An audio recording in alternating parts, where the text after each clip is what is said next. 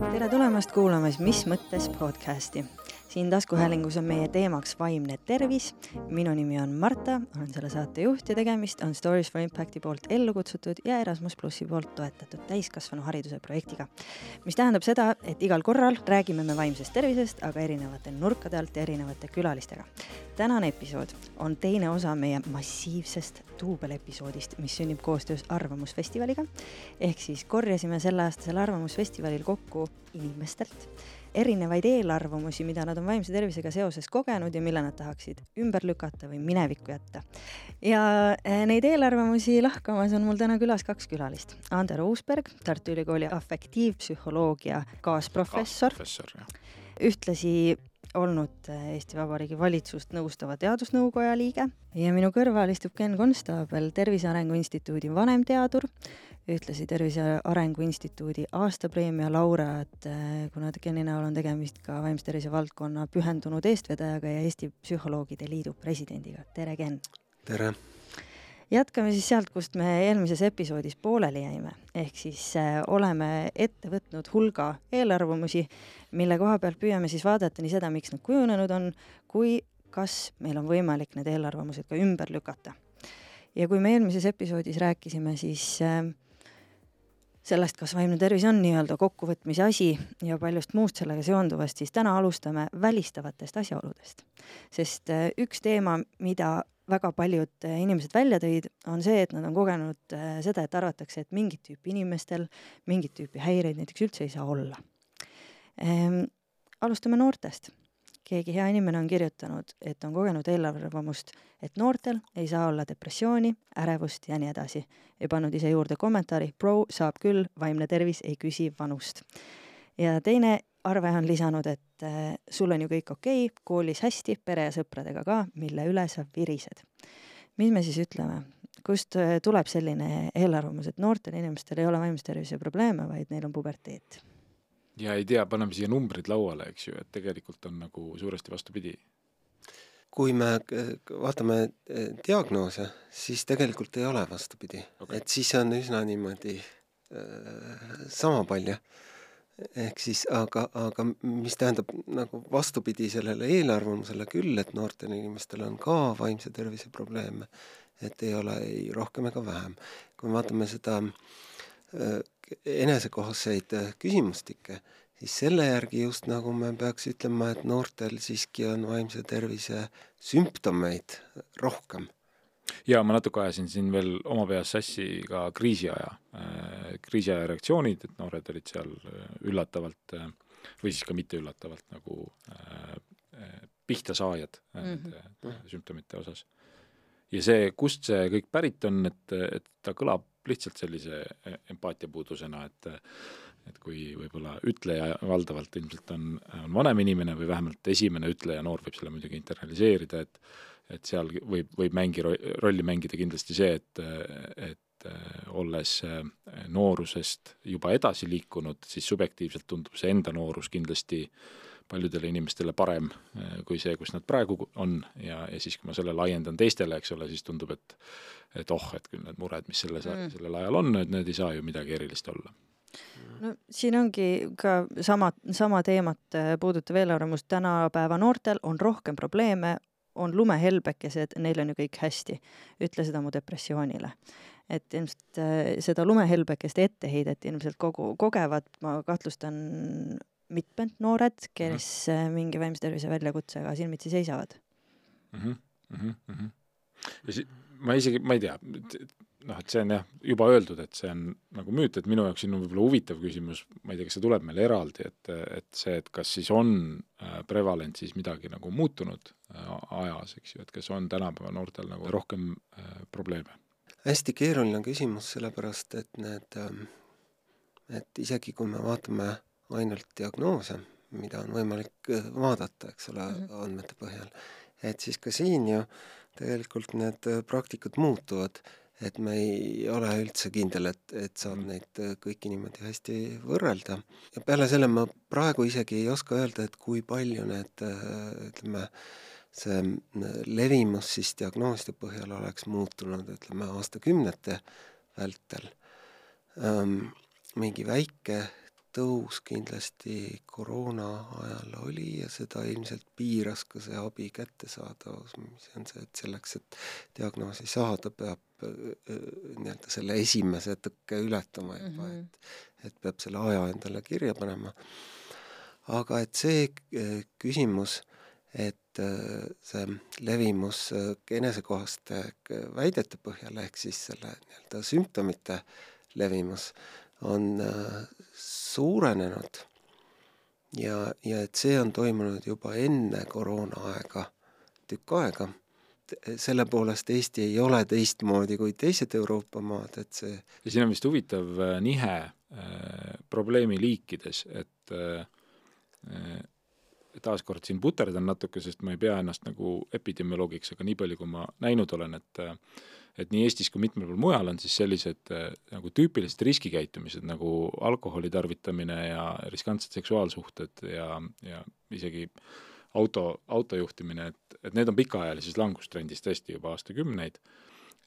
ja, ja noh, on üks narratiiv, mis siis ütleb, et, et noh, mõnes mõttes need, need probleemid on siis nihkunud natuke teise kohta, et nad on võib-olla siis sinna äh, meeleoluhäirete kanti nihkunud ja nüüd on siis niisugune niisugune äh, paras nagu metsik lääs nende, nende spekulatsioonide osas, et millest, millest see tulla võib, et, et, et, et noh, et noorte see kuidagi käitumis noh, muster on ajas mingisuguse, mingisuguse muutuse läbi teinud, on neid, kes on ju, näevad seal sotsiaalmeedias mingit rolli, on neid, kes ütlevad, et et see, selle kohta meil veel piisavalt tõendeid ei ole või võib-olla on, on noh, üldisem on ju ühiskonna kuidagi nagu turvalisuseks muutumine ja nii edasi ja nii edasi, et see on nagu päris huvitav küsimus, millele minu, nagu minu peas ühte lihtsat vastust või isegi keerulist vastust nagu valmis ei ole.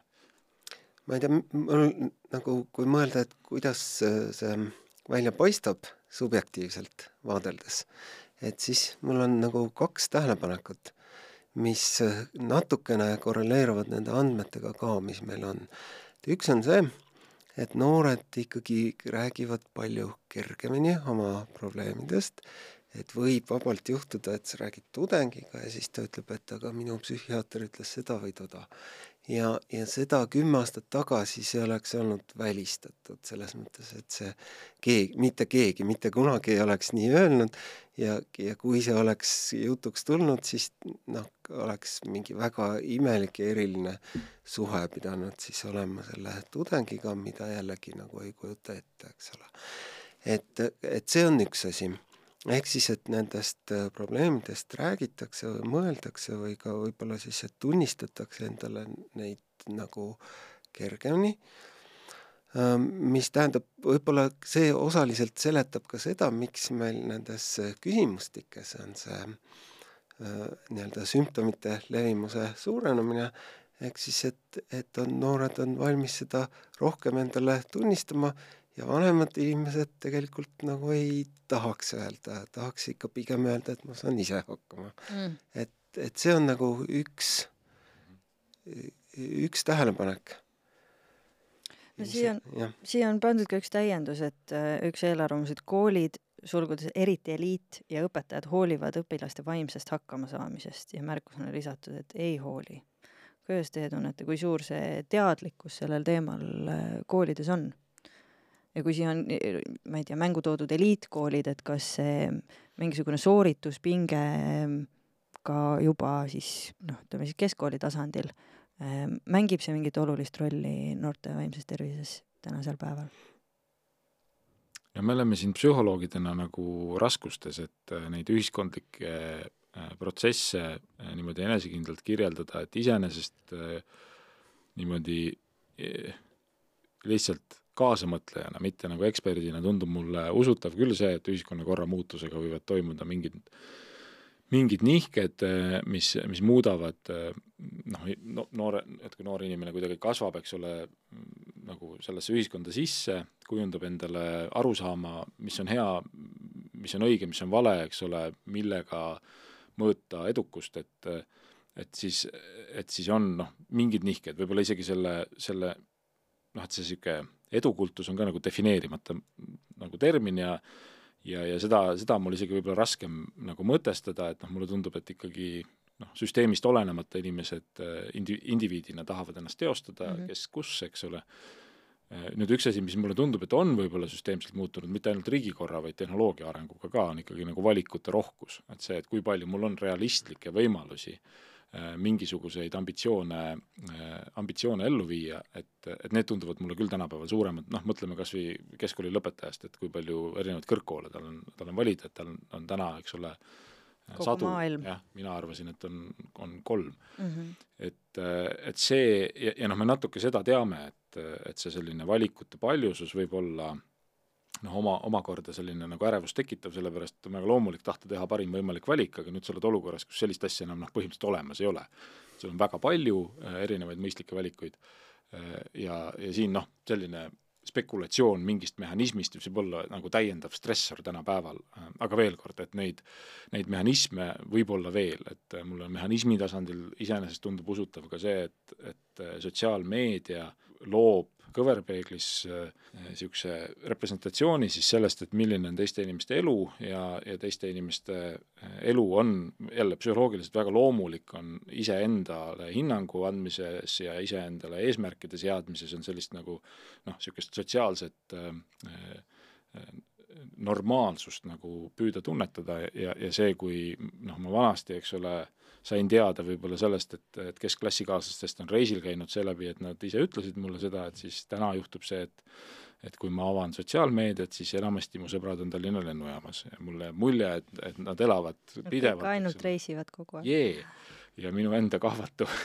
kahvatu nagu lähetuste nimekiri eh, tundub õbluke, et, et see mehhanism on ka päriselt olemas, et noh, et tuleb, tuleb õppida nagu sellega toime tulema, neid niisuguseid suuri trende on, aga neid on raske eh, või et noh, lõplikult peaaegu et võimatu on neid nagu ära tõestada, et üks või teine on millegi, millegi põhjuseks ja need üksikud tähelepanekud, eks ole, selle teaduse metodoloogia mõttes käivad sinna kvalitatiivsete uuringute alla, ehk siis et, et me ei saa selle põhjal öelda, et kui palju seda on, aga me saame öelda, et, et selline asi on ka olemas. et noh, näiteks selline asi kindlasti on olemas, et, et leidub neid noori, kes kannatavad selle eksamipinge all või õppimis, nii-öelda, et kodutöid on liiga palju ja, ja vahel ja, ja ilmselt see erineb koolides päris palju et vahel on ikkagi ka need kodutööd kodutöö pärast, et, et oleks midagi teha ja et, et noh, koroona ajal, et sa pead istuma seal ja oma nägu näitama selle kaamera ees, et muidu saad nagu kriipsu sinna kirja, mis on halb. Äh, seda kindlasti on ja, ja võib-olla seda on mõnes kohas rohkem ja, ja on inimesi, kes kindlasti kannatavad selle all rohkem kui, kui varem aga et kindlasti on ka neid võimalusi nii-öelda teha seda, mis sulle päriselt meeldib, et seda on ka rohkem mm. -hmm noh, see viibki meid sujuvalt ka järgmisse teemasse, mille kokkuvõtlikult võiks öelda, vanasti oli hullem. ja noh, nagu sa märkisid, see valikute paljusus, ma igaks juhuks märgiks selle ära, sest mulle tundub, et see võib olla asi, mida paljud võib-olla siiski ei teadvusta, et me oleme ikkagi, mulle tundub, et üldine narratiiv on ikkagi see, et mida rohkem vabadusi, valikuid, et seda uhkem justkui elada, aga tegelikult psühholoogilisest vaatepunktist on, on ju tõestatud, et kuskilt maalt eh, valikute paljusus võib muutuda pigem halvavaks või mitte, mitte no. enam kasulikuks sellele otsustusprotsessile. Jaa, siin on võib-olla kaks mõõdet, üks on siis see, et otsust, otsust ennast on raskem langetada. Mm, -hmm. see võtab kauem aega ja tekitab rohkem ärevust. Teine on siis see, et et iga otsusega äh, või iga valikuga sisuliselt kaasnevad maailmad, äh, mida ma ei koge. ma panen mm. uksed kinni, eks ju, ja, ja ehk siis mingi ilmajäämine. ilmajäämine, just mm., jah. ja psüühika tegelikult äh, ikkagi mingi piirini jälgib seda, et okei okay,, et ma tegin seda, aga mis ma veel oleksin võinud teha, mis see alternatiiv oleks.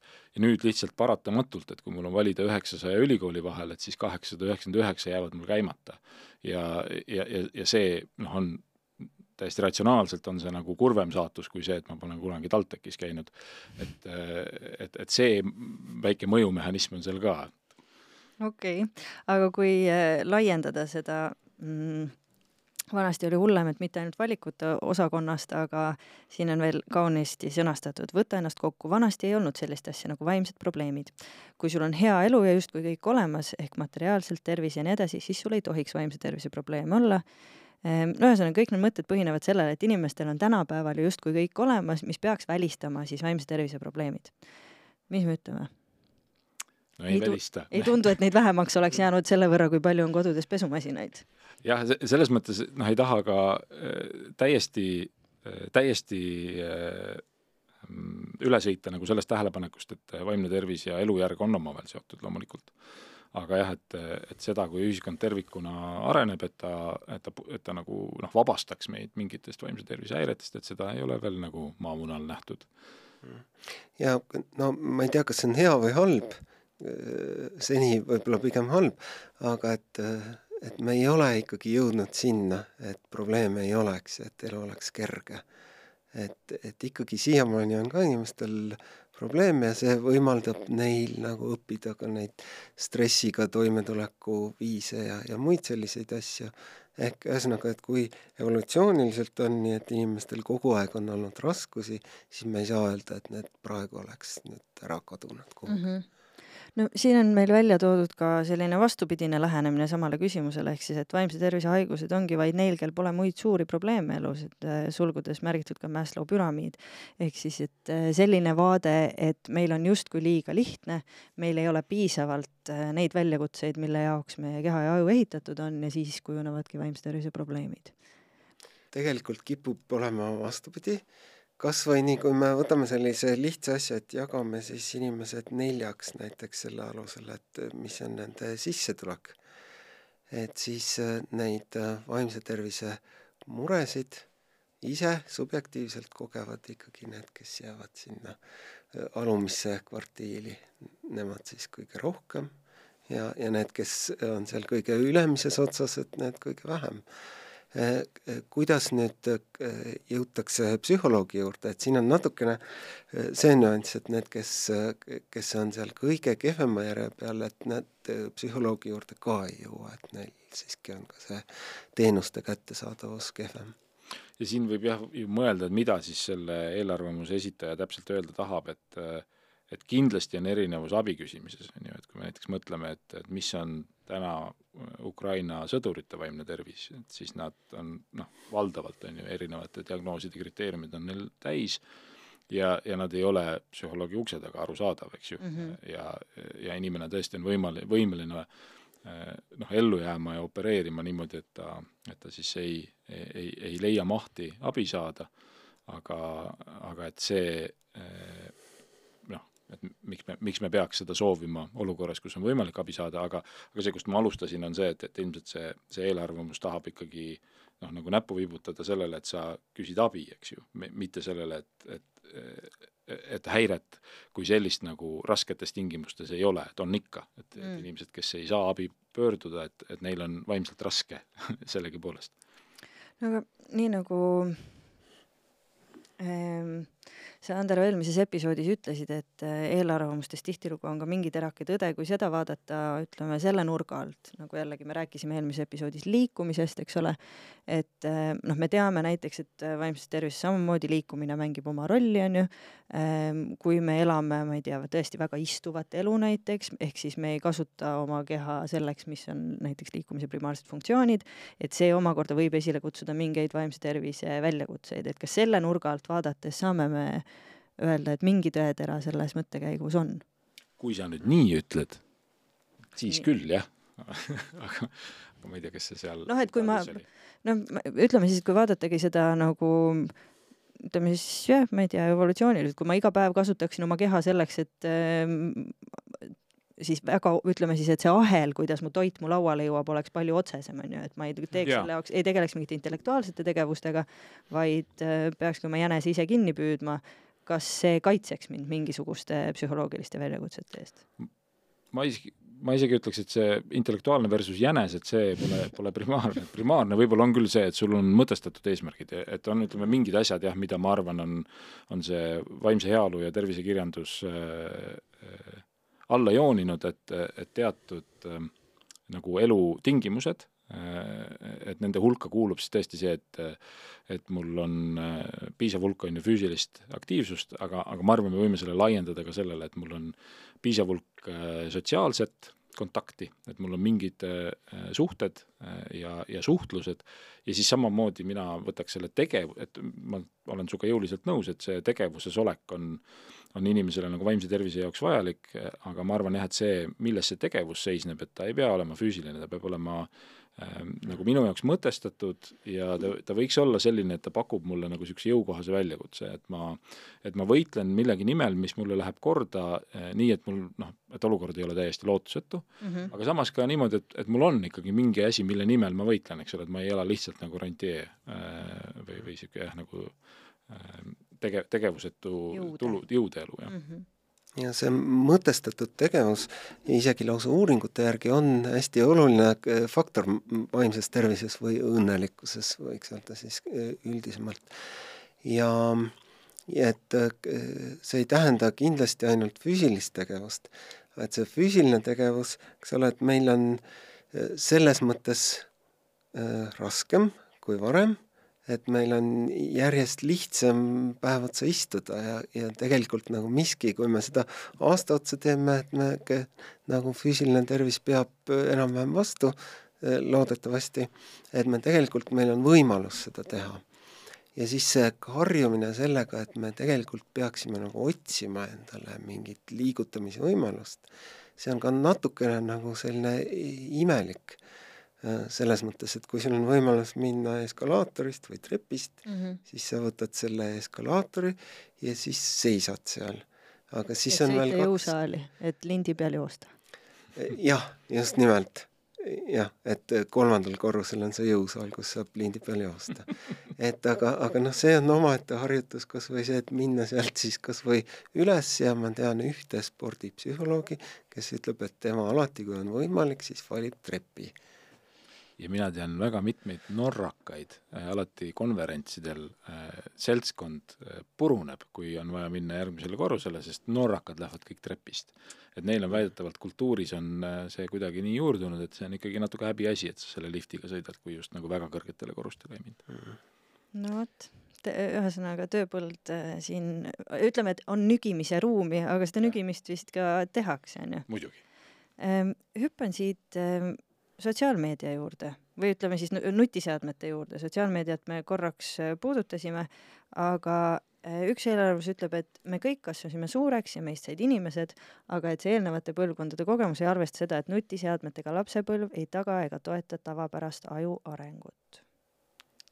no vot ei tea, on ju, Jaan, Jaan Aru räägib sellest äh, nüansirikkamalt, et, et noh, et see nutiseade on tõesti ajaliselt, on ju äh, kokku langenud nende trendidega, millest me rääkisime, aga, aga samamoodi on kokku langenud veel mõned asjad, et, et selles mõttes see sotsiaalmeedia sissetoomine ei olnud mul juhuslik, ma arvan, et et nagu noh, et sea-, et raske on näha põhjuslikku nagu äh, põhjuslikke seoseid nagu lihtsalt seadme ja, ja, ja tagajärgede vahel, et pigem on see, mhm. mida me selle seadmega teeme ja, ja, ja siis oleks oluline nagu leida üles need mehhanismid, mida siis see seade võimaldab teha teisiti kui varem, et üks mehhanism oli see, et ta, et ta paneb kõverpeeglisse äh, sotsiaalse ruumi, ütleme noh, teine, teine mehhanism on võib-olla see, et, et seal tekib äh, sellise äh, mikroeesmärkide saavutamise lihtsus, eks ju, see, millele ka mõnes mõttes need sotsiaalmeedia äh, lehed äh, on heaks illustratsiooniks, et see, et sa saad järgmise uudise kohe kätte, eks ju, et see, et võib-olla see midagi teeb, võib-olla ta ei tee,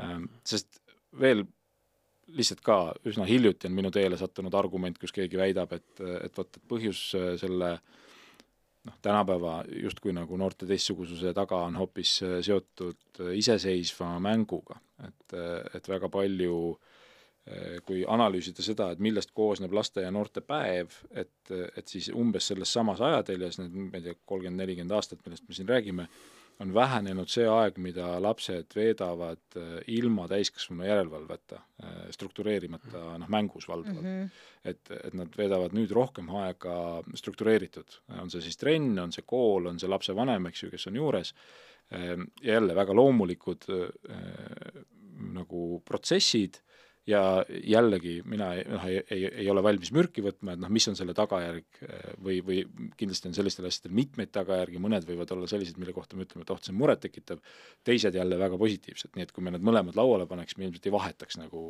noh, tagasi seda maailma, kus lapsed struktureerimata elektriliinide vahel on ju jalgu murdsid. et, et see on muidugi ikka nagu sada protsenti õige, et oleneb sellest, mida me selle nutiseadmega teeme. Ehk siis, et, et kui me nii-öelda klõpsime seal mingisugust Youtube'i videost järgmisele ja, ja lihtsalt passiivselt vaatame, et see on üks asi. ja, ja teine asi on mingisugune aktiivne tegevus seal nutiseadmes. et selles mõttes ma arvan, et see seadme süüdistamine nagu kõigis asjades või noh, nagu lapsevanemate selline vääruskumus, et last ei ole võimalik lihtsalt see lihtsalt füüsiliselt ei ole võimalik last äh, nutiseadmest eemal hoida. kui ta tahab, siis ta lihtsalt nagu äh, on seal nii kaua, kui ta tahab.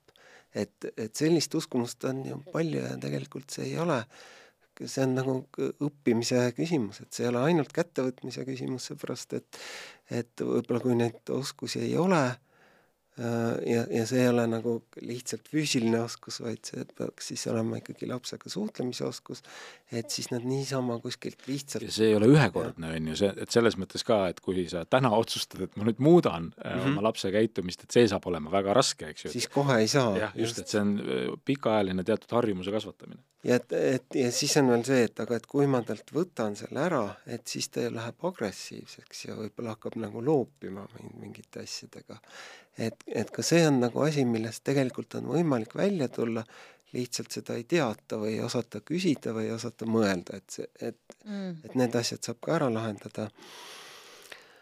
Aga et, et noh, nutiseadmetel on palju positiivseid külgi ja seal saab teha neid noh, nii-öelda keerulisemaid asju, kui me tegelikult nagu sada aastat tagasi oleksime suutnud. meil on nagu taskus kõigil väga peen arvuti, mis suudab palju rohkem kui kui see, milleks me teda kasutame. Kadri Haljas, kes on Triumph Healthi looja, käis meil ka siin külas ja arutasime ka temaga seda, et mis siis, kui sa leiutadki nagu digilahendust mingis maailmas, kus justkui me hakkame vaikselt või see narratiiv hakkab kujunema selliseks, et, et need digilahendused ise nagu justkui ongi kurja juur, on ju, et me ei saa mõjutada, et see tehnoloogia on olemas, küsimus ongi, mida me sellega teeme. aga mulle tundub, et sellises tänases äh, Eh, ütleme siis, et selline degrowth mentaliteet muutub äh, igas mõttes nagu hädavajalikuks ja sinna juurde hästi palju ikkagi käib ka seda arutelu, et kas me peaks pöörduma tagasi ikkagi noh, maailma juurde, kus ei olegi võib-olla nutiseadmeid. aga selle Kadriga vestluses minu jaoks kõige nagu kuidagi kujunes välja see mõte, et kas nii nagu selleks, et tuua, ma ei tea, et hakata müüma toiduainet, sa vist pead läbima ikkagi mingisugused äh, kontrollid, et kui puhtalt sa seda toodad ja nii edasi et äh, kas sarnane asi võiks kehtida kunagi äppidele, et kui ma tahan tuua mingisuguse rakenduse turule, et siis peaks tegema riskihinda, noh, et psühholoogilist riskide analüüsi ja et ma peaksin vastama, et see peaks olema noh, mitte ainult nagu, et ta ei tohiks olla kahjulik, aga et kuidas ta saaks olla siis kasulik, inimest toetav ja et vastasel juhul sa ei võigi näiteks rakendust arendada. jaa, no mina olen äh, sellistes küsimustes küll nagu selle valitsuse regulatsiooni äh, usku, noh, see saab olema väga keeruline, eks ju, globaalsel turul. teine asi, mis ma tahtsin siia mehhanismina juurde tulla, et tuua, on, on, ma arvan, on see, et, et ikkagi inimestes areneb või, või meil nagu kultuurina või kogu ühiskonnana areneb mingisugune immuunsus, et, et sageli need probleemid on kõige teravamad siis, kui, kui äh, esmakordselt äh, mingisugune uus tehnoloogiline läbimurre on ju, satub äh, niimoodi immuunnaiivsesse kogukonda, et see paralleel, mida ma siin toon, on see, et ma saan aru, et et äh, Ameerika mandrite on ju põliselanikud ei surnud nii väga välja otseselt, eks ole, äh, valge mehe kuulide ja noolte tagajärjel, vaid äh, kaasa võetud patogeenide tagajärjel. ja, ja et mulle tundub, et need te tehnoloogilised epohhid, minu nagu lemmiknäide on, on see, mismoodi me vaatasime üheksakümnendatel reklaame või, või, või et noh, millist, kui Aa kui nagu infantiilsete turundusvõtetega oli võimalik inimesi mõjutada, kellel puudus loomulik immuunsus turundusliku jura vastu. ja, ja ma arvan, et me näeme need, sedasama tsüklit kordumas, et noh, et, et esimesed mingisugused arvutimängud on ju ja, ja, ja mingid inimesed, kes jäävad sinna lõksu kinni ja, ja enamus noh, meist on ju, arendab välja selle immuunsuse ja samamoodi selle sotsiaalmeediaga, et noh, ma ei ole väga tänapäeva noortega rääkinud, aga ma eeldan, et neil on suurem teadlikkus sellest, et kuule, et see, mis sa seal näed, on kureeritud, on ju, et see, et su sõbrad ja sõbrannad ei ole sellised ja nii edasi ja nii edasi. ja muidugi selle protsessi käigus on nagu ohvreid, eks ju, et, et see ei, ei ole, ei tule kõigile nagu kiirelt kätte ja muretsemiseks on siin põhjust küll kas meil see immuunsus tekib, et noh, see on hästi keeruline küsimus ja ma arvan, et see sõltub sellest, et mis suunas nagu lastakse areneda asjadel. Aga et, et küllap see patogeen ikka on nagu kiirelt muteeruv, et selles mõttes see lihtsalt immuunsust tekitada nagu tervel populatsioonil, ma arvan, see oleks keeruline et neid mm. nii-öelda, jällegi ma ei tea, kui levinud see on, aga neid lugusid Jaapani või, või Korea, eks ole, noortest, kes, kellel muud elu ei ole kui ainult arvuti taga, et küllap neid on Eestis ka tegelikult. Et see ilmselt on probleem ja ma lahendust ei tea, välja arvatud see, et et teha maailm paremaks nagu mitme koha pealt mm. -hmm. jaa, see, vaata, kus metafoor töötab, nagu me saame rääkida, on ju, patogeeni evolutsioonist ja niimoodi, aga ma ütleks, et selle immuunsuse sekka ma paneks tegelikult selle, millest sina ka rääkisid, et see, et meil tekivad mingid vanemlikud praktikad, on ju, me jagame seda, et mingid reeglid, kuidas neid asju nagu noorel inimesel kasutada ja nii edasi aga hüppame noorte juurest äh, järgmise eelarvamuseni, mis servapidi võib ka noori puudutada, ehkki mul on tunne, et siin ei ole noori silmas peetud see on normaalne sinu vanuses, need on lihtsalt hormoonid. milliseid vaimse tervise probleeme saab nagu vanuseliste hormonaalsete muutustega ähm, põhjendada? jube üldine küsimus muidugi mm, -hmm. et äh, aga et mingit sellist nii-öelda äh, tüüpilise teismelise käitumist, et natuke ei oska, natuke nagu tahaks, aga ei saa ja ei, ei tea, kuidas kõik asjad käivad. ja, ja et natuke nagu tahaks näidata rohkem iseseisvust, aga täpselt ei oska ja, ja nagu ei tea ka, et mida nagu tahaks. et see on nagu selles mõttes paratamatu. kas ta on hormonaalne puhtalt või, või seal on nagu palju muid asju ka, et küllap seal on ikka muid selliseid mm -hmm. elukorralduslikke äh, paratamatuseid ka. no aga ma teen julge oletuse ja ütlen, et äh, teised, kes, teine grupp, kes äh, lisaks teismelistele sellist eelarvamust kogeb, on üleminekueas naised. aa, mina tahtsin öelda, et, et me oleme ju ühiskonnas, kus nagu suur osa meeste käitumist on seletatud nagu vanuseliste hormoonidega? võta vanus maha, ütle lihtsalt, et testosteroon et noh, tead, niimoodi käib konfliktide lahendamine, mis sa teed, testosteroon. Ähm, et äh, ma arvan jah, et äh, hormoon on lihtsalt siin meie äh, niimoodi teadlastena virgume selle peale, et oot-oot-oot, et valiti välja, on ju, üks paljudest mehhanismidest, mis mm -hmm. bioloogilises süsteemis toimib, aga et muidu et muidu jah, see Kenni teismelise kirjeldus oli minu meelest väga hea ja seda saadab tõesti üks, üks argument, et et kui noh, aju areneb koos, on ju, kehaga, teismeeas ja, ja teeb äh, teatud nihke on ju lapsest täiskasvanusse ja siis võib teatud lihtsustusega öelda, et et, et ajul on vaja mm, nagu teha kahte asja, et üks on panna meid liikuma äh, soovitud, soovitud motiivide suunas ja teine on siis seda liikumist nagu reguleerida ja, ja siis on üks koolkond, mis väidab, et, et need ajumehhanismid, mis seda esimest nagu sisustavad või teenindavad, arenevad tsipa kiiremini. et see, et see eneseregulatsioon, noh, on üks niisugune noh, olemuslikult nagu nõrk koht selles vanuses ja, ja selle võrra on kindlasti see teisme, teismeiga nagu teistmoodi. aga, aga ma ei taha jah, seda tegelikult seda niisugust bioloogilist seletust nagu üle rõhutada, et see on ka mõnes mõttes lihtsalt sama asja, on ju, teisel tasandil toimuv kirjeldus ja tegelikult see, mis toimub keskkonnas minu ümber ja kuidas ma ise õpin neid asju sõnastama ja millised mu suhted on ja need asjad on ka täpselt sama olulised mm. -hmm. Need bioloogilised muutused äh, äh, nii-öelda muudavad inimest ärevaks küll, eriti kui ta oskab ennast või, või kui ta on veel selles eas, kus teiste arvamus läheb väga-väga palju korda või see ongi nagu üks peamisi asju, et siis nagu see, et ma olen natuke teistmoodi või, või ei arene nii kiiresti või nii aeglaselt kui teised, et see võib tekitada üsna suure sellise ärevuse ka lisaks, lisaks kõigile muudele mõjudele, ehk siis siin taga on nii-öelda bioloogiline eripära, aga et see, see, kuidas me tõlgendame seda, et see on see, mis nagu päriselt lõpuks mõjub. Mm. -hmm. selge, teeme järgmise hüppe, fantastiline lause, sul on lihtsalt vähe pappi. Ja vot sellega me oleme nõus, et seda, et sotsiaalmajanduslik tase ikkagi on oluline ja, ja oleks hea, kui saaks rohkem pappi kõigile mm. -hmm. rohkem pappi kõigile, parem vaimne tervis mm -hmm. kõigile. Mhm. kuigi seda nõustuda. pappi nüüd nii kergesti ei saa ka. ja, ja et kui me vaatasime PISA uuringus näiteks Karintähega, ma võin selle viite ka saata pärast mm, -hmm.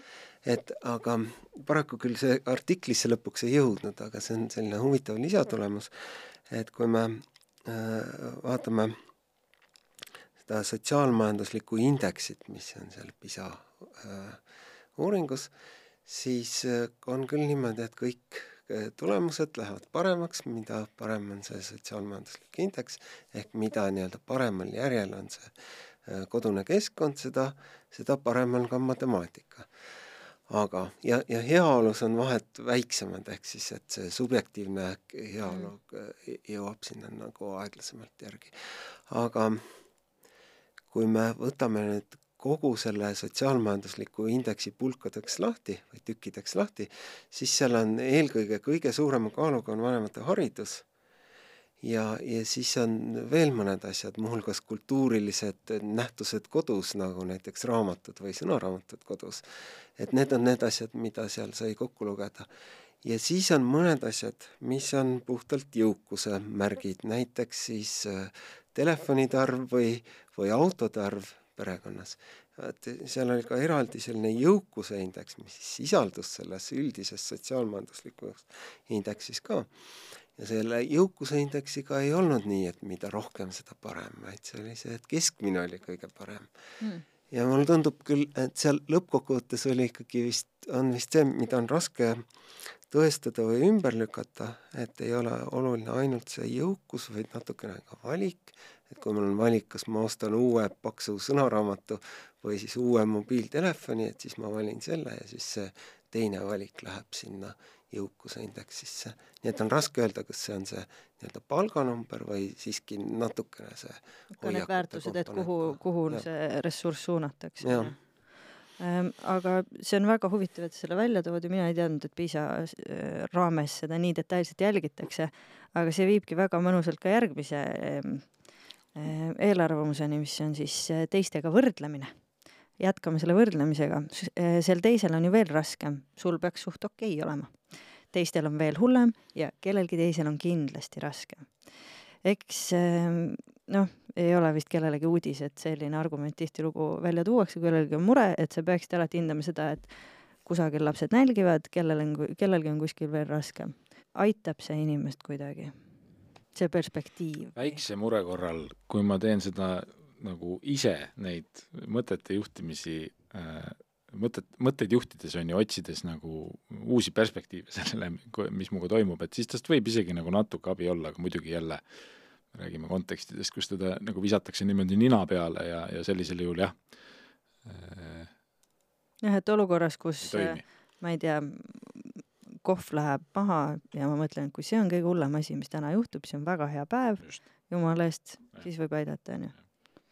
aga -hmm noh, et kui see on nagu soovitusena kellelegi teisele või hinnanguna kellelegi teisele, on ta alati ohtlik? see ei aita selles mõttes selle sisulise küsimuse vastu, sest et kui me noh, et ma saan aru, et kui me spontaanselt ennast teistega võrdleme, et siis sellest võib tulla nii üht kui teist, olenevalt sellest, kuidas pidi see võrdlus välja kukub. et ja, ja siis on muidugi kasulikum võrrelda ennast sellega, kellel on kehvem aga kui me tahame seda sisulist olukorda paremaks saada, mitte lihtsalt korraks saada head tunnet, et siis see võrdlemine juba enam noh, mis tast siis kasu on, et ma olen leppinud sellega, et praegu läks kohv maha, aga et see, et kellelgi teisel läks ämbritäis kohvi maha, et see nagu mind kuidagi praegu ei aita. jah. see tuletab meelde ma ei tea, ma ei mäleta, kust ma seda kuulsin, ilmselt ma pean selle välja lõikama pärast, aga keegi tõi välja just mingi küsitluse või uuringu, et et kui inimestelt küsiti, et kas nad äh, võtaksid töökoha, kuidas see oli, et kus ütleme siis teised saavad tuhat palka, sina saad äh, kolm tuhat palka või siis et sina saad kolm ja teised saavad neli jah, vist ja teine oli see puhkuse ja teine oli jällegi puhkuse mõõde, et teised saavad, teised saavad, ma ei tea, üheksa nädalat, sina saad kolm Äh, või siis, et äh, kõik saavad üks ah,. seal oligi see, et kas on erisus või kõigil on sama. Äh, ja see tõdemus oligi siis see, et raha koha pealt tahavad kõik, et neil oleks rohkem kui teistel, aga kui me räägime näiteks puhkusest, siis inimesi huvitab see absoluutarv. et kui sa annad mm. mulle nagu valiku, et kas mm. kõigil on üks nädal puhkust või on nii, et mul kolm ja teistel üheksa, siis ma pigem valin seal selle, et noh, olgu teistel üheksa, mul on vähemalt kolm. aga et raha puhul valitakse siis ikkagi see, et mu staatus peab olema kõrgem, mina pean saama ja, rohkem kui teised. jah see siis tõestab seda, et raha toimib äh, nagu signaalina endale ja teistele, on ju, minu väärtuse kohta Jah. Jah, väga huvitav. ma nüüd ei mäleta, kust ma selle leidsin, aga ma hea meelega liidan selle ka siia juurde ehm,. nii, järgmine fantastiline eelarvamus. naine on ju nii lihtne olla. ma olen siia juurde pannud ka eelarvamused, mehed on tugevamad kui naised või et naissugu on nõrgem sugu, lastekasvatus, sünnitus, emotsionaalne töö ja nii edasi ehm, noh, siin on nüüd palju erinevaid statement'e, ma võib-olla küsiks, et kas äh, mingeid vaimse tervise probleeme esineb naistel-meestel erinevalt? kas sugu mängib vaimse tervise seisukohast mingisugust märkimisväärset rolli?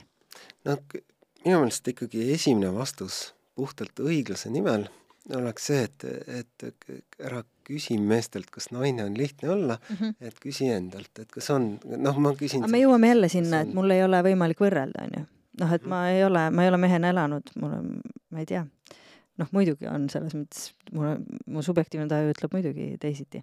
aga kui me taandame selle selle peale, et kas vaimse tervise, ma ei tea, väljakutsete esinemisel on sood kuidagi, kumbki sugu mingis eelis või halvemas seisus, kas mingeid häireid esineb ühel või teisel sool rohkem või vähem? kui võtta kolm Eestis, no täpselt äh, statistika järgi ei oska öelda, kas need on kolm kõige enam levinud äh, vaimse tervise probleemi, aga igal juhul kolm, mis äh, esimesena meelde tulevad. Ja neist kaks esimest on kindlasti enam levinud, on siis meeleolu ja ärev, ärevushäired, et siis neid on naistel kindlasti rohkem ja kõigi uuringute järgi ja nii diagnooside kui ka siis selle subjektiivse enesetunde järgi. et selles mõttes naine on raskem olla. ja, ja siis need alkoholi ja agressiivsuse probleemid, sellega on jälle siis nagu teistpidi, et seal on jälle ma ei tea, kas mees raskem olla või vähemasti nagu häbiväärsem eh, siis mees olla, jah aga mis me ütleme, et kui suurt äh, rolli me arvame, et see ühiskondlik kontekst ja mingid harjumuspärased soorollid mängivad selles, et äh, ma ei tea, selles, mis naisterahva puhul noh, nagu sa ennegi tõid välja, eks ole, et vähenenud on riskikäitumine, näiteks alkoholi väljend-, tarvitamine, aga on rohkem meeleoluhäireid, et kas siin võib ka vaadata nii, et ma ei tea, me mehed näiteks lihtsalt leevendavad sarnast impulssi Äh, ma ei tea, mingi sõltuvuskäitumisega naised selle võrra, kuna seda neilt noh, et kuidas siis öelda, kuna sellele antakse võib-olla rohkem hinnanguid, võib-olla pudelit niivõrd ei võta, küll aga siis kannatavadki sümptomite käes kuidagi teisiti. see nüüd päriselt ei ole minu teema, ma ei tea, kas Andero ütleb samamoodi aga et ega see minu olen... teema ka ei ole, aga eks me tulime siia oletama ju. et ei no mina olen aru saanud, et, et see ikkagi ei ole nagu päriselt selle äh, väljenduse küsimus, et see ongi nagu selline orgaaniline erinevus mm. Aga, aga ma päris nagu sada protsenti ei veaks kihla praegu selle vastuse peale. jah, ma ei tea, ma olen ka seda nagu äh, argumenti kindlasti kuulnud ja lugenud, et äh, et mingisugused riskitegurid, niisugused üldised, noh, et on sul nagu elus raske või sul on nagu äh, natuke kaldes uskumused enda kohta, et, et need võtavad nagu erinevad väljundid äh, soost lähtuvalt ja ja et noh, et ilmselt seal ei ole äh, see ristmik ei ole selle koha peal, et mul on noh, nagu täna õhtul on halb olla ja siis on küsimus, et kas ma hakkan patja mm -hmm. nutma või lähen jooma. et, et see riskikoht on nagu, on ju, arenguline, et see, et, et, et kuidas ma olen õppinud mingite asjadega nagu toime tulema. mingeid niisuguseid asju võib äh, hakata, hakata otsima, aga jah, ütlen ka, et ei ole nagu minu teema. jäin lihtsalt mõtlema niimoodi, et kui sa nagu alustasid jälle selle soo teemaga, siis mul noh, nagu noh, minu nagu niisugune refleksiivne vastus on see, et, et me noh, nagu valdavalt äh, pingutame üle äh, sooliste erinevuste äh, tähtsustamisega ja me teeme seda peamiselt sellepärast, et me ajame, ajame sassi kaks asja, et me mõtleme kahest kategooriast, nagu Venni diagrammi mõttes, et kaks ringi, mis omavahel ei kattu mm, -hmm. et sa oled olemuslikult naine, et siis järelikult on sul noh, mingid asjad on täiesti teistmoodi ja noh, tegelikult on niimoodi, et need Venni diagrammid kattuvad seal olenevalt tunnusest, on ju, kaheksakümmend viis kuni üheksakümmend viis protsenti, et või siis teisiti öeldes, eks ole, et kui, kui poisid on keskmiselt matemaatikas paremad, et siis on tegelikult nagu klassis on nelikümmend viis protsenti tüdrukuid, kes on keskmisest poisist paremad, et et, et, et, et see, et, et poisid on keskmiselt matemaatikas paremad mm, -hmm. ei ütle praktiliselt mitte midagi ühe konkreetse poisi kohta, et see mm, -hmm. see on, eks ole, saja poisi keskmine, ja siis ma jäin mõtlema, et noh, mõnes mõttes see häirete levimuse erinevus on üks nagu suuremaid efekti suurusi vist selles sugudevahelises nagu, et see, et see on tõesti nagu ka arenenud ühiskondades, kus tegelikult need noh, stigmad on hakanud muutuma niimoodi, et, et midagi jääb seal nagu alles, et see on täitsa huvitav küsimus, millele mul jälle nagu valmis vastust ei ole. depressiooni levimuse erinevus kindlasti on suurem kui näiteks, kui me vaataks neid PISA matemaatika tulemuste erinevust mm. -hmm. Mm -hmm jah, ma kasutan jälle võimalust, toon sisse oma elu äh,, ikka tahaks ka jagada ja möliseda äh,. minule, kui äh,, kui püstitati ATH hüpotees, siis psühhi- perearsti e-konsultatsiooni kaudu andis psühhiaater esmase hinnangu, et ta ei kutsunud mind vastuvõtule, vaid ütles, et vähetõenäoline, vastasel juhul oleksid sümptomid avaldunud juba lapsepõlves. Soovitan hakata antidepressante võtma ja mõtlesingi, et nii huvitav, et et ta ei kutsu mind vastuvõtjale, ta ei tea, kas sümptomid avaldusid lapsepõlves, onju. aga et ta tegi nagu sellise väga julge üldistuse ära, siis mõtlesin, et ma väga tahaks selle mehega ükskord kohtuda ja küsida, et ole hea, näita mulle seda statistikat, et aastal üheksakümmend seitse, kui paljudel tüdrukutel Eesti Vabariigis diagnoositi aktiivsustähelepanuhäiret näiteks, onju, et ikkagi noh, on ka selliseid häireid, mille puhul äh, uuringud on valdavalt mingi ühe spetsiifilise grupiga, mille puhul ollaksegi harjunud neid diagnoose seostama mingisuguste spetsiifiliste gruppidega ja kui sa jääd sellest välja, siis justkui tundub hästi vähetõenäoline ka mhm. spetsialistile, on ju. et see on selline veider äh, nähtus, mis ja see vist, see ATH on ka jah, hästi selles, sellel põllul, kus see ja. sugu, sugudevaheline erinevus on nagu mängus. jah, aga loodetavasti üha vähem või noh, et nagu me ütleme, et see sugu ei ole see defineeriv faktor, on ju. aga hüppame korraks ka ravimite osakonda. üks, sest et olgem ausad, antidepressantidest räägitakse meil hästi palju, me oleme siin oma saateski saanud teada Geneverniku uneepisoodis näiteks, et ka uinumiseks tuleb välja et üle kümne protsendi Eesti inimestest kasutab igapäevaselt uinumiseks ravimeid, ehk see, et ravimite tarvitamine on meil äärmiselt populaarne viis asjadele lähenemiseks ja eelarvamused, mis seda puudutavad, on siis antidepressante kirjutatakse välja liiga kergekäeliselt, süvenemata probleemide tõelistesse allikatesse. Eesti inimene sööb neid kui komme. võta antidepressant ja siis saab kõik korda, midagi muud tegemata ehm, jah, no ühesõnaga küsimus ongi see, et kas nad siis ravivad või nemad ei ravi, kas neid kirjutatakse liiga kergekäeliselt, alustame sealt. siin on, mulle väga meeldib ka lause, antidepressandid on karvase farmaatsiatööstuse huvides, välja kirjutavad arstid on ära ostetud no see on nüüd küll raske küsimus selles mõttes, et äh, ma arvan, et siin peaks lähenema nagu individuaalselt, et see oleks ainuke mõistlik lähenemine. et kindlasti on neid juhte, kus on antidepressant välja kirjutatud kergekäeliselt. et kui palju neid on, siis me peaksime nagu kõik need juhud üle käima, nagu uuesti siis rääkima selle inimesega ja ja vaatama, et kas oli alust või ei olnud. aga see on ju enamasti tege-, noh, et ma mõtlengi, et ilmselt seda ju kuidagi ei mõõdeta, vaid et antidepressant väga tihti, kui üldse äh, ravimite kasuks osutatakse, siis see on enamasti väga paljude asjade puhul lihtsalt selline esimene samm ja kui see ei aita, siis vaatame edasi. selline mulje on mulle jäänud. aga see põhjus on ju suures osas selles, et, äh, et noh, kui me vaatame, et kuidas oleks hea ja õige, et siis muidugi võiks olla see psühhoteraapia äh, kogu aeg äh, kaasas. Ja see oleks kõige, nagu on ka kindlaks tehtud, kõige kulutõhusam viis. ma lisaks siia võib-olla juurde, et ühesõnaga, et see kombineeritud ravi. Ehk siis et ravim ja, ja, ja siis psühhoteraapia. et võib-olla siis see elustiili muutus oleks ka tegelikult asi, mis võiks seda toetada, et see oleks nagu see ideaalne viis aga et siis, kui me küsime, et kui palju on Eestis perearste, kes saavad nagu aru sellest diagnoosist ja, ja oskavad selle äh, antidepressandi välja kirjutada ja, ja teistpidi, et kui palju siis neid on, neid äh, psühholooge, kes saaksid teha psühhoteraapiat sama häirega, et siis me saame nagu väga suure erinevuse mm -hmm. ja seda ja see, selle teise asjaga on veel see probleem, et ta tihtipeale läheb inimesele päris palju maksma. et äh, ühesõnaga selline puhtalt majanduslik probleem, asi on nagu suures osas rahas kinni, aga mitte ainult rahas, sest et see, et noh, siis meil oleks vaja ikkagi ka neid väljaõppe saanud inimesi juurde. et noh, kaks muret. ja siis minul on siin lihtsalt selline võib-olla filosoofilisem mõttekäik, et, et, et mulle tundub, et see äh,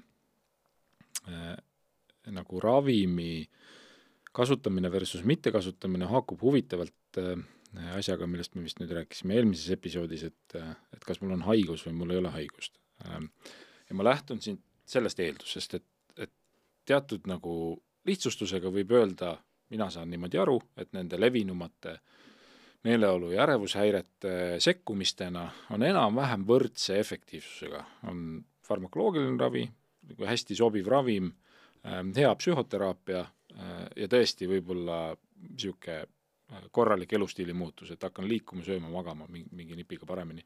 ja nagu Ken ütleb, et kui sa paned nad kõik kokku, siis äh, sa tõenäoliselt kasvatad nagu efektiivsust mm. -hmm ja nüüd on nagu, mulle tundub, et inimeste peades need kolm ei ole päris niimoodi, et noh, lähen apteeki ja valin, et kuulge, et andke, mis te mulle soovitate, et, et, et ravim on midagi teistsugust ja, ja ta on äh, inimeste peades teistsugune, sellepärast et ta äh, justkui äh, mõjutab minu keha.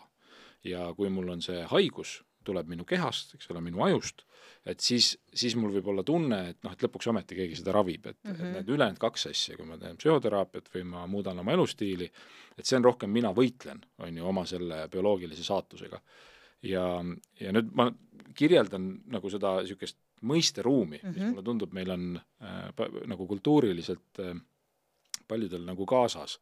ja noh, mingitel hetkedel on see tõsi, aga, aga nii ka nagu ka eelmisel episoodis juttu oli, et noh, psüühikahäirete puhul ei ole väga alust arvata, et ta, et ta on äh, nagu väga tabav mõttemudel see, et mul on äh, nagu kehaliselt tingitud haigus, et selles mõttes see, see luumurru võrdlus, mida me oleme kasutanud, on minu jaoks nagu hästi nagu kahe teraga mõõk, et ühelt poolt ma, mulle väga meeldib see idee, et et kuule, et sa luumurruga ju ei, ei ütle, et kannata ära ja tule mm -hmm. tööle, eks ole, et sa otsid abi, aga teiselt poolt noh, et, et luumurd on tõesti selline asi, mis on üks konkreetne põhjus, üks konkreetne spetsialist, kes selle korda teeb ja, ja noh, minu roll on ainult temani jõuda, eks ju. Yeah et eh, paljud psüühikahäired selles mõttes on eh, natuke nagu teistmoodi loomad, et nad on, nad on rohkem noh, kui otsida seda nagu kehalise meditsiini paralleeli, et nad on selles mõttes nagu rohkem eh, seesama kõrgveresoone, kõrgvererohutõbi või, või te, teist tüüpi diabeet, et nad tulevad nagu mitmest tegurist kokku mingi aja jooksul ja siis on ka mitu viisi, kuidas noh, neisse nagu hakata,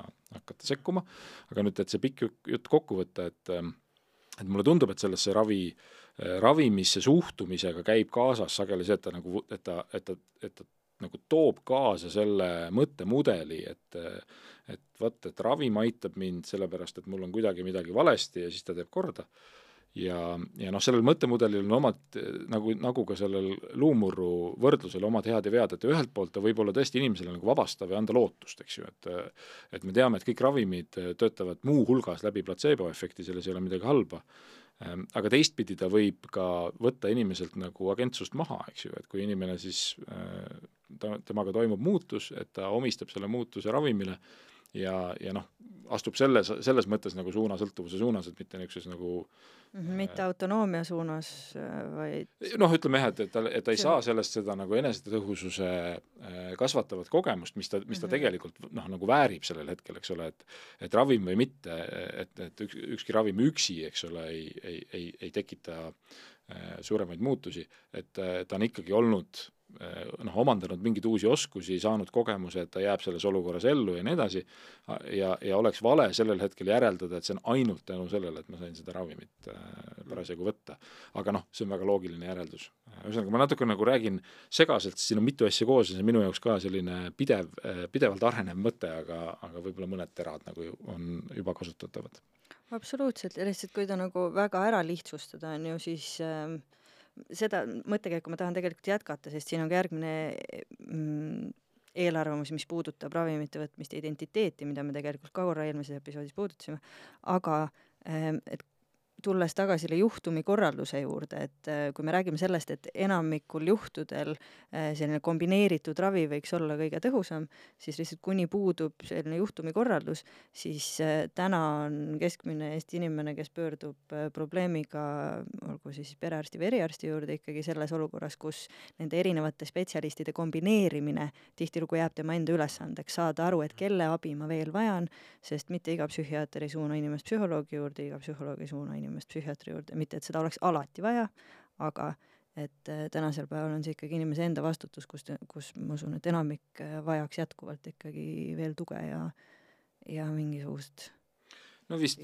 võib-olla psühhiaatrite kaitseks võib öelda, et, et ilmselt see, see nii-öelda ravimeeskonnana peale lendamine on nagu kõige käepärasem just psühhiaatriahaiglates, et kas yeah., kui sa satud, on ju, psühholoogi juurde, kes töötab seal, või psühhiaatri juurde, et pigem see probleem algab jah, sellest, et kui sa oled kaugel sellest kohast, kus need ressursid on olemas, olgu see siis perearst või siis veel enam, noh, lihtsalt nagu nõustajana koolipsühholoog, kes noh, tõesti, kellel täna puuduvad hoovad, on ju, et seda asja ellu kutsuda mm, -hmm. et siis tahtsid sa Ken täiendada või viskad ma mõtlesin korra selle äh, luumurru äh, analoogia peale, et tegelikult kui meil on inimene, kellel on kaks korda nädalas luumurrud või, või noh, kord kuus, et siis me ei mõtle, et kuidas seda luumurdu efektiivsemalt ravida, vaid et me mõtleme, et kuidas seda keskkonda muuta, et paneme trepile käsipuu või, või aknale piirde ette ja siis on nagu hästi, et võib-olla selle äh, psüühikahäirete puhul ka on aeg-ajalt samamoodi, et me võime selle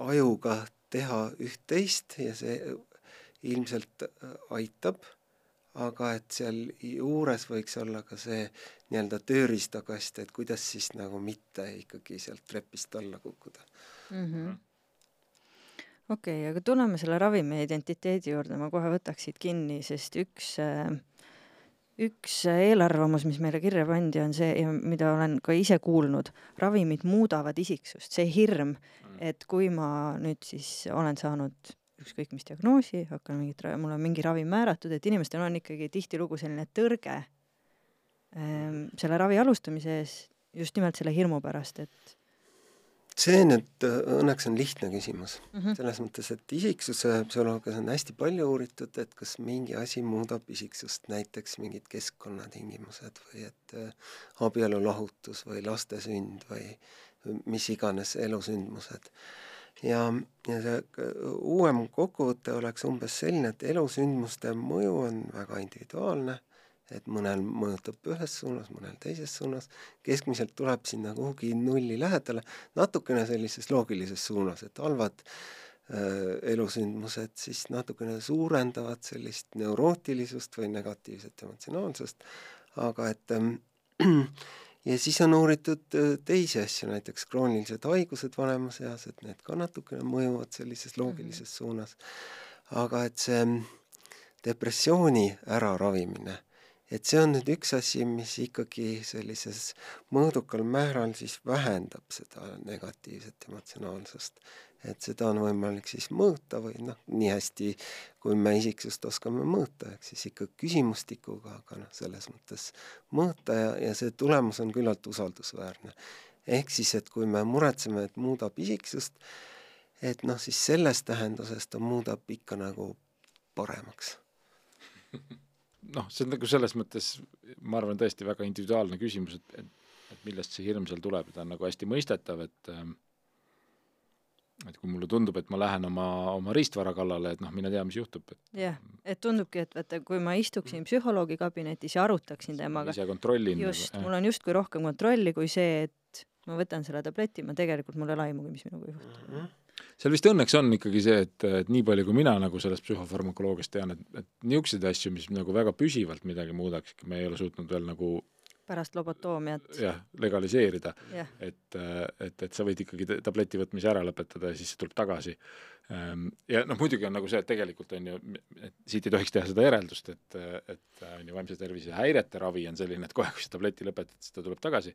et häired ei pruugi tagasi tulla, aga seal on just see, et ta tavaliselt ei tule tagasi sellepärast, mida Ken ütles, et et on toimunud ka mingisugune muu muutus, on ju. Mhm. et ta on parandanud seda funktsionaalsust, mille abil sa saad õppida mingeid oskuseid, et ennast toetada, on ju ja et sama, sama asi kehtib tegelikult ka psühhoteraapia kohta, et see on ka mhm. üks asi, mis siis muudab isiksust selles mõttes, et mida me testiga saame mõõta, aga et see isiksus muidugi psühholoogia tähenduses ei ole see nii-öelda inimese enda sügavalt omaks võetud identiteet või see yeah. nii-öelda enese minatunne, et noh, sellega paraku jah, peab inimene kuidagi ise hakkama saama, et siin psühholoogia ütleb nagu vähe, et see on inimese individuaalne asi. selle eelarvamuse sõnastanud, et inimene küsib, et järsku, järsku see muudab mu olemust, siis ma arvan, seda on siin silmas peetud ikkagi. siis me oleks Keniga öelnud, et ei, ei, et meie psühholoogias olemust küll keegi, et me võime isiksusest sulle rääkida -hmm. aga noh, ühesõnaga vastus jääb samaks, et tõesti mm, -hmm. et see, et see sõltub hästi sellest, et mis on inimese jaoks see tunnetus oma olemusest mm -hmm. ja, ja väga sageli võib olla see, et tegelikult äh, see on see muutus, mida ma soovin. et, et selles mõttes jah, muudab jah, ja muudabki paremaks. nii, ja viimane mm, ravimeid puudutav eelarvamus, hakkasid võtma antidepressante, tähendab, sa andsid alla mm noh, või siis teistpidi, et läheb paremaks ja saad paremini hakkama, et eks võib, võib nii ja teisiti olla. ja sellele on nagu tõesti, nagu mulle tundub, et see on sellest pikast jutust, mis ma enne rääkisin, tõukuv murekoht, et tõesti, kui ma näen nagu kuidagi vastandlikuna seda, et ma muudan oma selle ajukeemia ära versus on ju, õpin ise toime tulema, et siis kui ma võtan ühe, siis noh, järelikult noh, justkui annan alla. et me oleme pakkunud ka ikkagi juba, juba nagu paremad kujundid või metafoorid, kuidas, kuidas sellest, äh, kuidas sellest mõelda, et, et seesama, on ju, et jalg pannakse kipsi ja samal ajal teed oma, teed oma kodu korda, et sa nagu uuesti ei, ei kukuks, noh, siin võib olla veel mingeid asju, et sa äh, ma ei tea, spordist midagi, et sa mingi uue liigutuse, on ju, omandamiseks teed algul, et ei tee täisraskusega, on ju, et, mm -hmm. et algul õpid ära mingi liigutuse või, või ei tee täiskiirusega, et see, see, et sa võtad farmakoloogilise abi äh, et, et võtta natukene mingisugust nagu loksumist maha või mingit intensiivsust kuskilt mingitest asjadest, et, et see võimaldab sul õppida. et sa lood endale mingi sellise nagu treening, treeninglaagri. hüppan järgmisesse kategooriasse, jätame siis äh, ravimid äh, sinnapaika ja viimase teemana äh, puudutaks teiega ikkagi ka suhteid, sest paljud eelarvamused puudutasid ka suhteid ja siin on välja toodud väga erinevaid asju. Ähm, ütleme, et olen kokku liitnud kolm. Äh, sa vajad lihtsalt suhet ja nõukaajast tulnud elu lõpuni peab koos elama, abiellumine tähendab õnnelikult elu lõpuni. ehk siis, et kas see sellise ühe, ühe väga pika lähisuhte olemasolu toetab alati ja tingimata vaimset tervist, sest mulle tundub, et see on see, mida siin on silmas peetud no inimestega suhtlemine, sealhulgas siis nagu lähedaste suhete olemasolu kindlasti on inimesele oluline.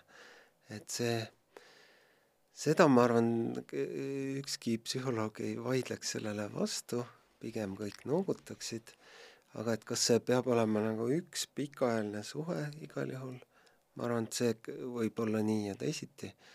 et siin vist noh, ja see on ka individuaalne selles mõttes, et see see suhe, kui ta on ikkagi nagu väga halb ja raske inimese jaoks, et siis on ja noh, terve mõistus ütleb ka, et parem, kui ta saab läbi. jah, ei, ei üllata mind selle vastusega, aga hämmastav eh, on ikkagi see, et eh, jätkuvalt inimesed selliseid eelarvamusi kogevad ehm,. on välja toodud selline eelarvamus, vaimne tervis on inimese enda või isiklik probleem me võiksime sellele vaadata niimoodi, et tihtilugu nendes terviseküsimustes me kuidagi tahame neid vaadelda hästi isoleerituna, minu mure ja nii edasi, aga kuivõrd on siis, ma ei tea, vaimse tervise väljakutse, noh, see, kuidas ta on ühiskonna nagu probleem, see on võib-olla kõige lihtsamini selgitatav mingite rahanumbritega, sellega, kui suur on mu tööproduktiivsus ja kui palju ma tervishoiusüsteemile maksma lähen, on ju. aga kui me vaatame suhete lõikes, ma ei tea, lähikonda, kas inimese vaimse tervise väljakutsega on võimalik tegeleda kuidagi täiesti isoleerituna või peab sinna alati kaasnema ka see suheste võr-, suhete võrgustik?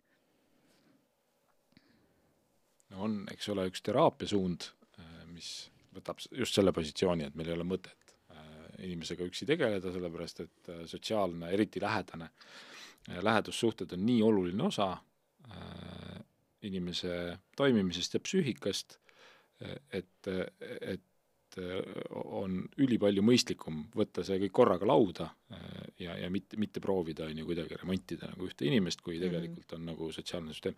ma arvan, selles nagu lähenemises on hästi suur äh, iva, et, et ma nagu sellele ei, noh, tingimata ei kirjuta isegi kui see oleks nagu minu valdkond, taaskord see tegelikult ei ole minu valdkond, kuidas nagu inimesi kõige efektiivsemalt ravida, aga et, et noh, see tundub võib-olla nagu liiga radikaalne, et sul peab alati olema nagu pereteraapia pereteraapia moodi nagu lähenemine, aga, aga see ideena, et kui me tahame inimest mõista äh, ja me tahame teda nagu noh, selles mõttes, et ta suudaks ennast nagu muuta, et siis mitte ära unustada seda kõige vahetumat äh, sotsiaalset süsteemi, kuhu ta kuulub. mingite survete all, mingis rollis, on ju, mingite seostega, et see tundub väga õige.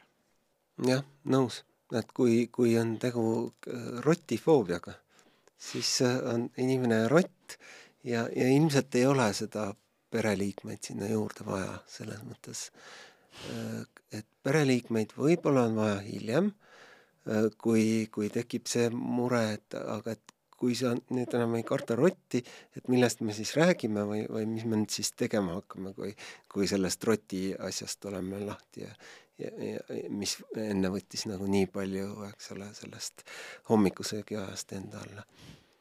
okei okay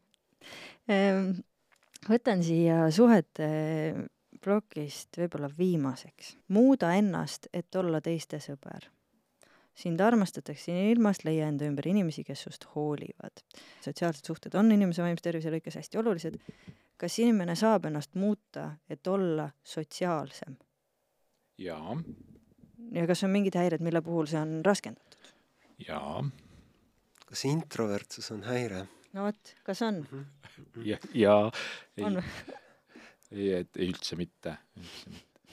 aga ühesõnaga, sa püstitasid lihtsalt nii, nii ahvatlevalt lihtsa küsimuse, et sellele on hea vastata, et noh, muidugi näiteks kui mõelda jälle sellesama nagu isiksuse psühholoogia terminites, kus on mm -hmm. nagu kuidagi nagu defineeritav see, et milline see ekstravertne inimene näiteks on, et siis, siis tõesti need asjad, millest Ken rääkis, et et on võimalik, et inimene äh, näiteks kolib, läheb läheb ülikooli äh, õppima ja, ja, ja on, on selles kogukonnas ekstravertsem, kui ta oli oma näiteks keskkooli kogukonnas.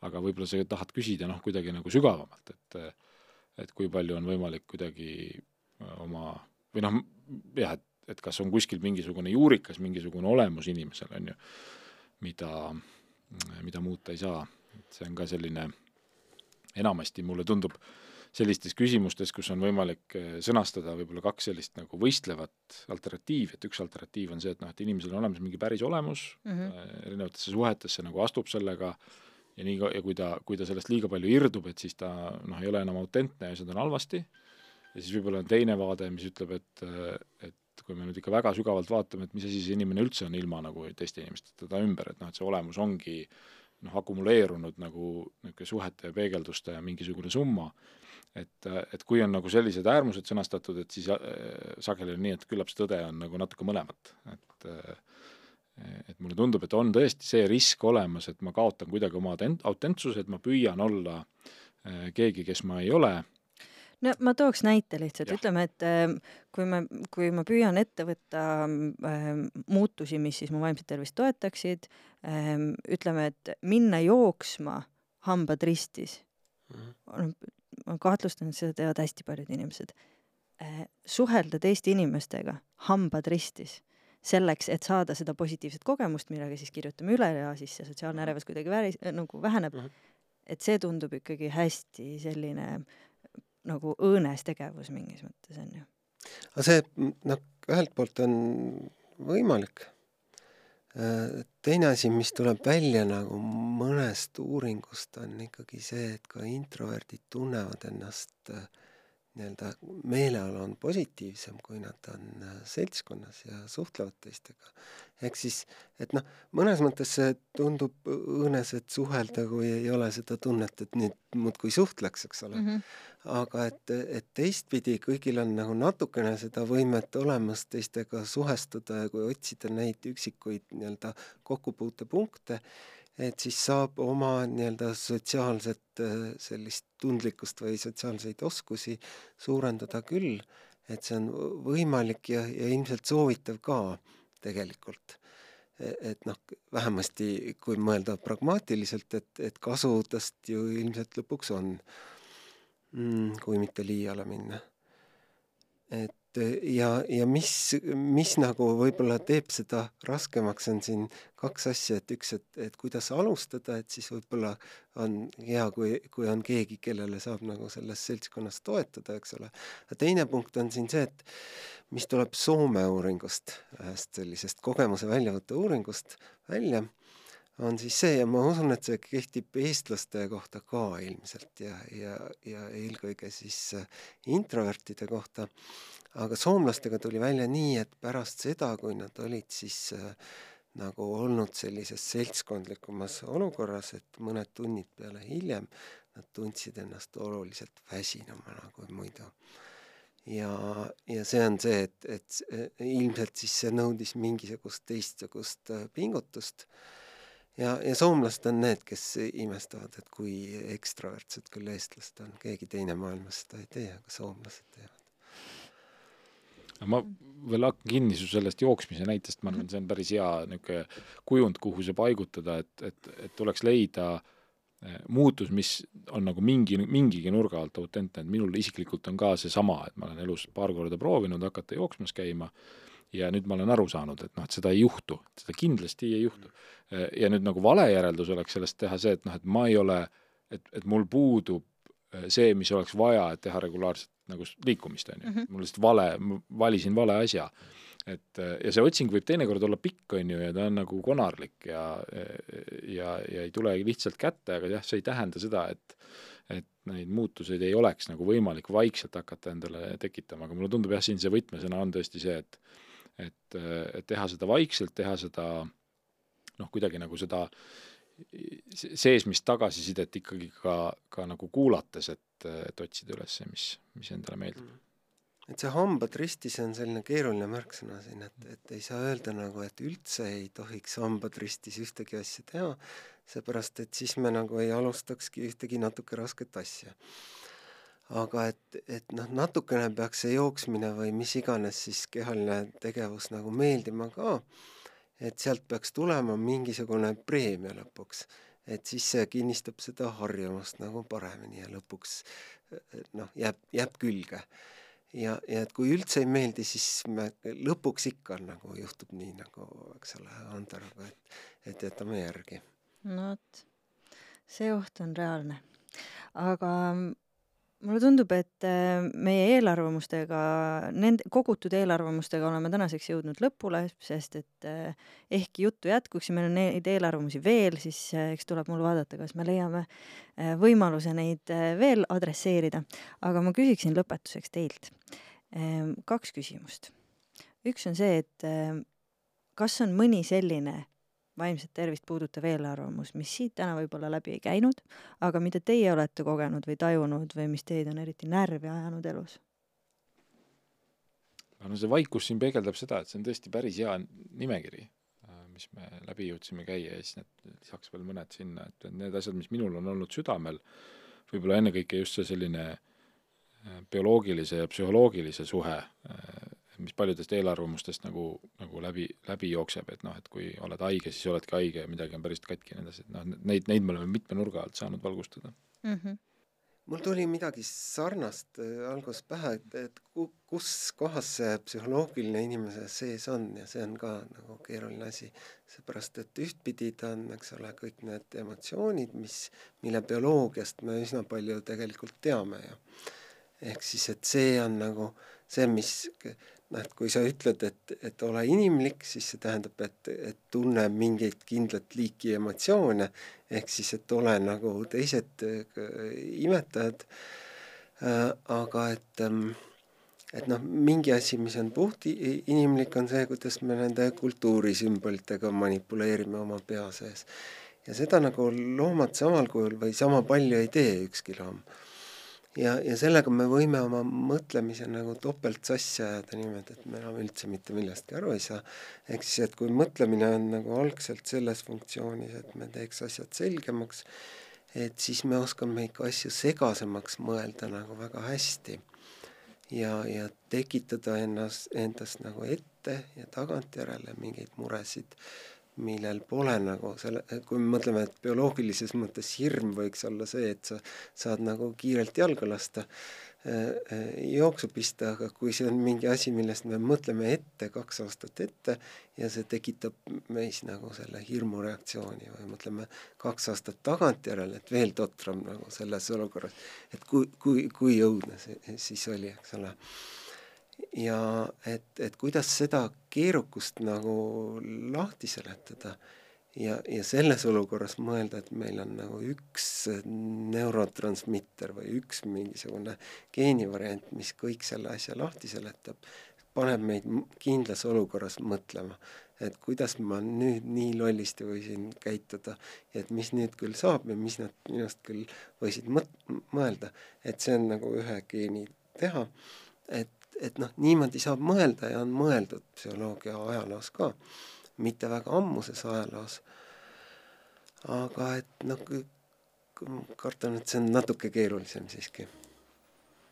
Aitäh teile võtmast neid äh, mitut meeldivat tundi ja neid teemasid äh, arutamast.